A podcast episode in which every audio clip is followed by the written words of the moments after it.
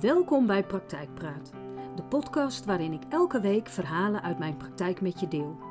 Verhalen waarvan ik hoop dat ze je inspireren en in beweging brengen. Verhalen die soms kunnen raken, maar ook verhalen waarin je jezelf zou kunnen herkennen. En verhalen die je zullen doen glimlachen. Mijn naam is Angelique van der Wetering, therapeut, coach en spreker. Mijn grote liefde heeft alles te maken met bewustzijn. Mensen bewust maken en in beweging brengen is mijn grote passie. Ik heb het allermooiste vak van de hele wereld en ik neem je dan ook graag mee in de verhalen uit de praktijk. Ik wens je heel veel inspiratie. Even tijd voor jezelf. Hoe zit dat met jou? Vind je het lastig om tijd voor jezelf vrij te maken? Nee te zeggen en te kiezen voor jezelf? Ook wanneer dat inhoudt dat je misschien niet sociaal wenselijk handelt of reageert. Denk er eens over na wat de reactie van de ander hierop eigenlijk betekent. Hecht je er waarde aan? Beïnvloedt het je? En vooral zegt het iets over jou? Of heeft het voornamelijk met de ander te maken? Al deze vragen kunnen je juist weghouden van tijd voor jezelf. Wanneer we ons focussen op dit soort vragen, houden we ons voornamelijk bezig met wat een ander van ons gedrag vindt. Toch is het, om bewust te kiezen voor jezelf, belangrijk om de antwoorden op deze vragen te kennen. Maar alleen wanneer je ze daarna loslaat en je jezelf niet iedere keer weer dezelfde vragen stelt zodra je voor jezelf kiest. Want dat zou betekenen dat je, voordat je voor jezelf kiest, je je eerst bezig moet houden met wat een ander daarvan vindt en of het wel oké is. Wat een ander vindt van de keuzes die jij maakt is misschien minder belangrijk dan je denkt. Het is namelijk niet jouw taak om anderen tevreden te houden, zeker niet met de keuzes die je maakt. Ook kun je een ander niet tekort doen. Deze heeft namelijk hetzelfde geluk als dat jij hebt. Dat is een eigen leven. Daarin liggen, net als in jouw leven, kansen, beperkingen, mogelijkheden enzovoort. En wanneer iemand bijvoorbeeld teleurgesteld is of een gebrek heeft, dan ligt de oplossing in hun eigen leven en keuzes, en niet in dat van jou. Ondanks dat daar hetzelfde ligt, zien we los van elkaar vaak verschillende dingen. Dit heeft onder andere te maken met focus. Waar ligt je focus? Op beperkingen of juist op de mogelijkheden? En ook je perceptie, hoe je dingen en situaties waarneemt, bepalen mede je focus. En hoe je dingen waarneemt, wordt beïnvloed door je overtuigingen. Een overtuiging is een gedachte of opmerking die zo vaak herhaald is, door jezelf of door een ander, dat het is vastgelegd in de hersenen als iets dat waar is. Wanneer je vroeger bijvoorbeeld vaak gehoord hebt dat het belangrijk is om altijd klaar te staan voor een ander, dan kan de overtuiging zijn dat je egoïstisch bent wanneer je nee zegt en voor jezelf kiest. Wat moet u denken aan een column die ik onlangs heb geschreven? Wat een heerlijke zondag. Ik zit met een kop koffie voor mijn hotelkamer op een bankje. Even me-time. Een bankje verderop zit een dame van, ik schat rond de veertig. Ze heeft me al eens vriendelijk toegeknikt toen ik langsliep. Haar verhaal, dat ik niet ken, maar af te lezen is van haar gezicht, intrigeert mij. Ik kijk naar haar en blijkbaar trekt dat haar aandacht. Lekker bakkie? vraagt ze. Heerlijk. Even niets en een kop koffie. Een ideale combi, lach ik. Even niets. Dat vind ik lastig. Ik ben altijd bezig, vooral in mijn hoofd. De lijnen in haar gezicht lijken dieper te worden bij haar zorgelijke blik. Ja, ik ben hier met een vriendin. Ze heeft het niet makkelijk en moest er hoognodig eens tussenuit. Ze zucht en zegt: Begrijp me niet verkeerd hoor, ik ga met liefde mee. Maar uh, hoe doe jij dat, even niets?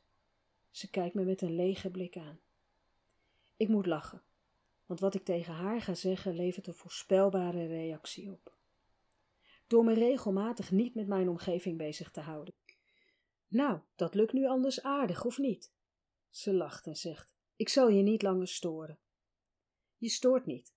En ik ben eigenlijk wel benieuwd hoe dat voor jou zou zijn, wanneer jij je even niet met je omgeving bezig zou houden. Wat vaker nee zou zeggen en je je even niet verantwoordelijk voelt voor een ander. Haar ogen worden groot. Hoe weet jij dat ik me altijd verantwoordelijk voel voor een ander? Je slaat de spijker op zijn kop. Ik lach. Een optelsom van altijd druk zijn in je hoofd en niet weten hoe je even niets kunt doen. Een hoofd dat altijd aanstaat en vol zit met gedachten. Gedachten die, denk ik, voornamelijk te maken hebben met anderen, de mensen om je heen. En aan je vermoeide uitstraling te zien, levert dit de nodige stress op. Ik blijf even stil voor ik verder ga en laat landen wat ik net heb gezegd. Weet je, wanneer deze gedachten meer met jou te maken hebben en met wat goed is voor jou, dan had je hier denk ik met meer ontspanning gezeten. En nu krijg ik de indruk dat je hier niet gezeten had wanneer je vriendin het niet zo nodig had gehad, ook al doe je het vast met liefde voor haar. Ze kijkt me met een starende blik aan. Ben ik te direct? Nee, niet te direct. Wel in één keer goed, waardoor ik even met mijn mond vol tanden zit. Meestal klets ik me er wel uit, of klets ik er omheen.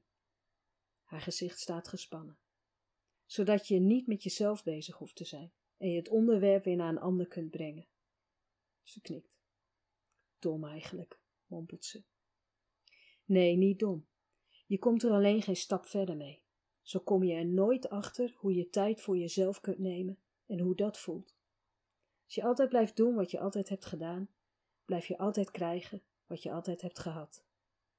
Met grote ogen vraagt ze: Maar hoe kan ik hier nou nee tegen zeggen? Ze heeft het zo hard nodig. Ben jij de enige die dit voor haar en met haar kan doen? Met een grijns op haar gezicht zegt ze: Nee, dat niet, maar ze geeft wel aan de leukste. Je hebt wel humor hoor, lach ik. Dat jij de leukste bent, wil toch niet zeggen dat ze het met iemand anders niet naar haar zin zal hebben.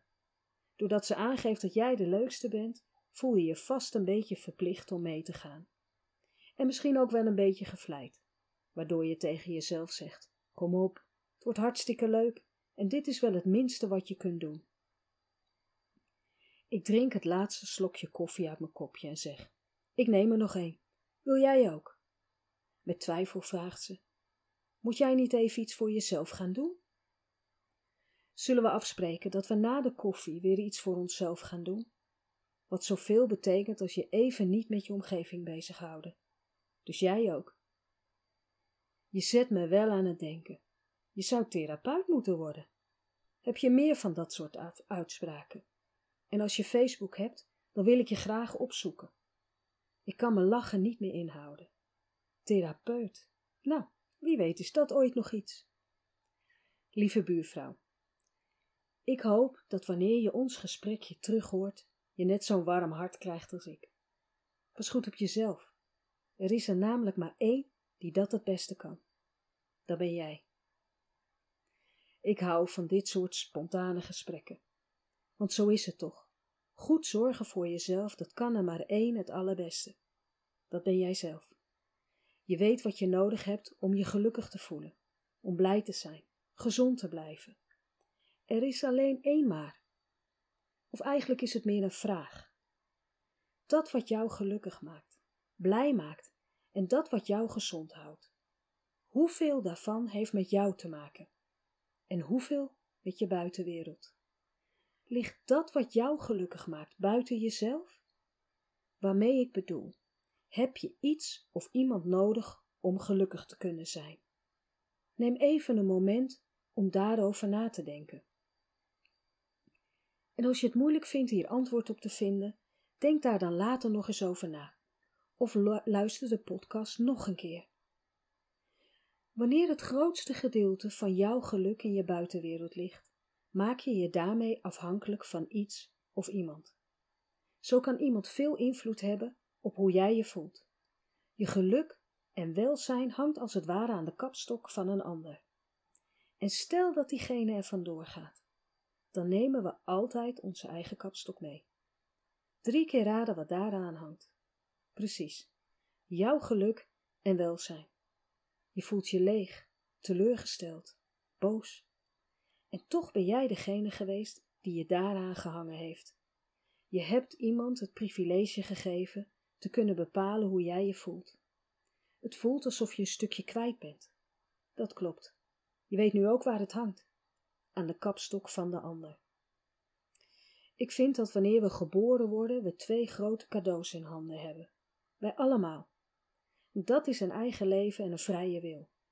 En dat laatste is een privilege. Kunnen kiezen is een privilege. Geef deze nooit uit handen. Je kunt en mag zelf kiezen hoe je je voelt in een bepaalde situatie. En nu denk je misschien, nou dat klinkt wel heel simpel. Ik zal je een voorbeeld geven. Stel, iemand scheldt je uit, beledigt je en probeert je te kleineren. En stel dat dat gebeurt met een lach, onder het mom van het is een grapje. Dat geeft de meeste mensen toch een nagevoel. Een gevoel van afwijzing misschien wel. Neem nu dezelfde situatie in een andere taal, een taal die jij niet spreekt.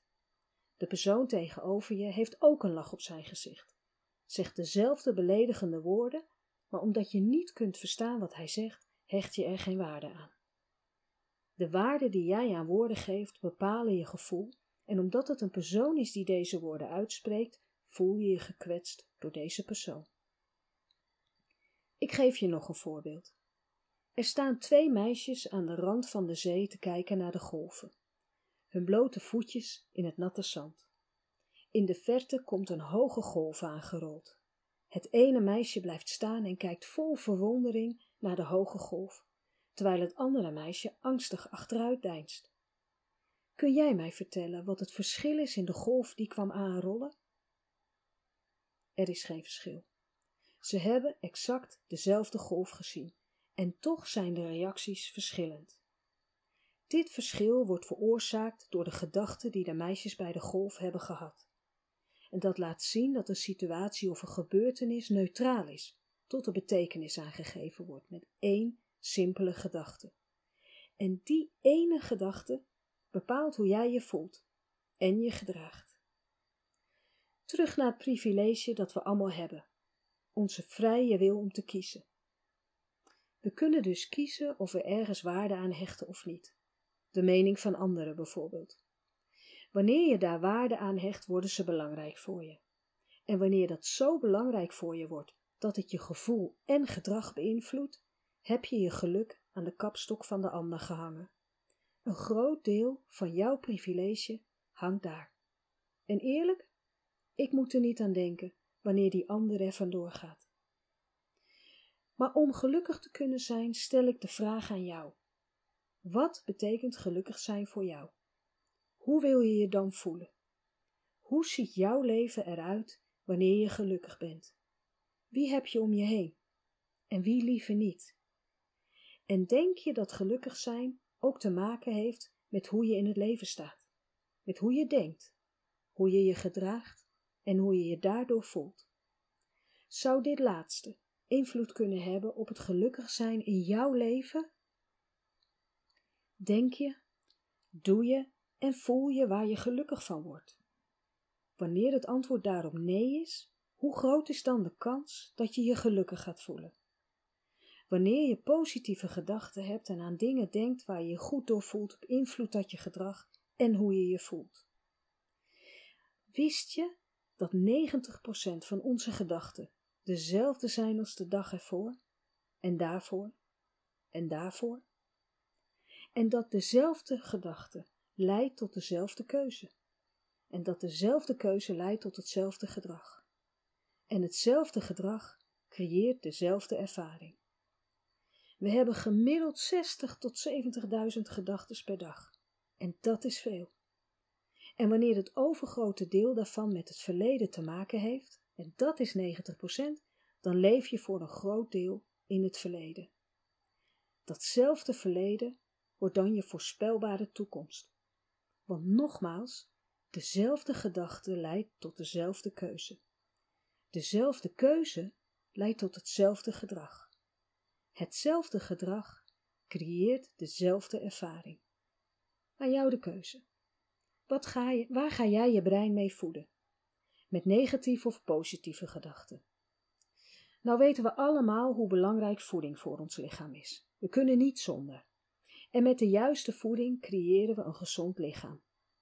Nu ben ik zelf gek op patat. En echt, ik kan er iedere dag trek in hebben. Maar wanneer ik aan die behoefte ga toegeven en mijn lichaam te vaak voedt met ongezonde voeding, dan snappen we allemaal dat ik er niet gezonder op ga worden. Zo heeft ook ons brein voeding nodig. En wanneer we ongezonde voeding tot ons nemen, negatieve gedachten bijvoorbeeld, dan gaan we ons niet beter voelen. We raken vermoeid, geprikkeld, voelen ons down, verdrietig of misschien wel gefrustreerd. Negatieve gedachten, maar ook een teveel aan negatieve informatie belast ons brein. En wanneer je te veel negatieve informatie tot je neemt, krijg je vanzelf negatieve gedachten. Wanneer ik het journaal kijk, dan word ik daar nou niet bepaald heel vrolijk van. En natuurlijk, we willen allemaal graag geïnformeerd blijven, maar iedere dag drie, vier, vijf, zes, zeven keer? We overspoelen ons brein vaak met zinloze informatie. Of informatie dat we al zo vaak gehoord hebben. En dat begint al op het moment dat we onze ogen open doen. Wat doe jij wanneer je wekker gaat? Nog even blijven liggen en even door Facebook, Instagram, verhalen, plaatjes, filmpjes. Je bent net wakker, hè? Positieve voeding voor je brein is ook rust. Even niets moeten. Simpel voor je uitstaren is voor ons brein heel gezond. Alleen weten we niet meer hoe dat moet. Ons brein zit zo vol informatie en we hebben het geleerd dat zodra we wakker zijn, er prikkels verwerkt moeten worden. Veel prikkels. Verhalen, plaatjes, filmpjes en dat gaat de hele dag maar door. Weer leren hoe je af en toe je brein tot rust brengt. Een tip? Schenk jezelf een kop koffie of thee in. Ga zitten in een lekkere stoel en kijk eens naar buiten. Is het je wel eens opgevallen hoeveel verschillende kleuren groen hebben staan? Zie je dat koolmeesje? Wist je dat de zwarte middenstreep op de buik en borst bij mannetjes breder is dan bij vrouwtjes? Dat was je vast nooit opgevallen.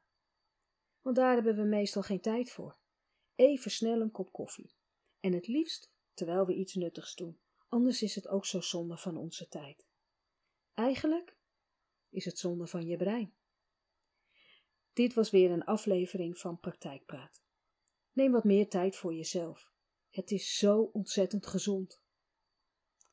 Dankjewel voor het luisteren en tot de volgende aflevering van Praktijkpraat, waarin we het gaan hebben over kinderen, grenzen en opvoeden. Tot dan! Wat fijn dat je weer luisterde naar een aflevering Praktijkpraat. Dank je wel. Zou je door middel van een review willen laten weten wat je van deze podcast vindt? Dat is heel eenvoudig. Ga naar de podcast-app waarmee je deze podcast luistert en klik op reviews. Laat bijvoorbeeld 5 sterren achter en wanneer je wilt ook een geschreven review. Heel erg bedankt. En heb je naar aanleiding van deze podcast vragen, opmerkingen of suggesties? Mail dit dan naar info apenstaartje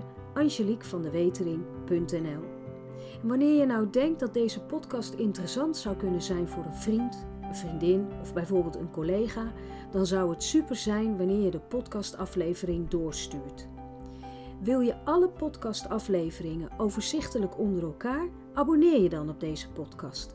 Klik in je podcast-app op de button subscribe of abonneer.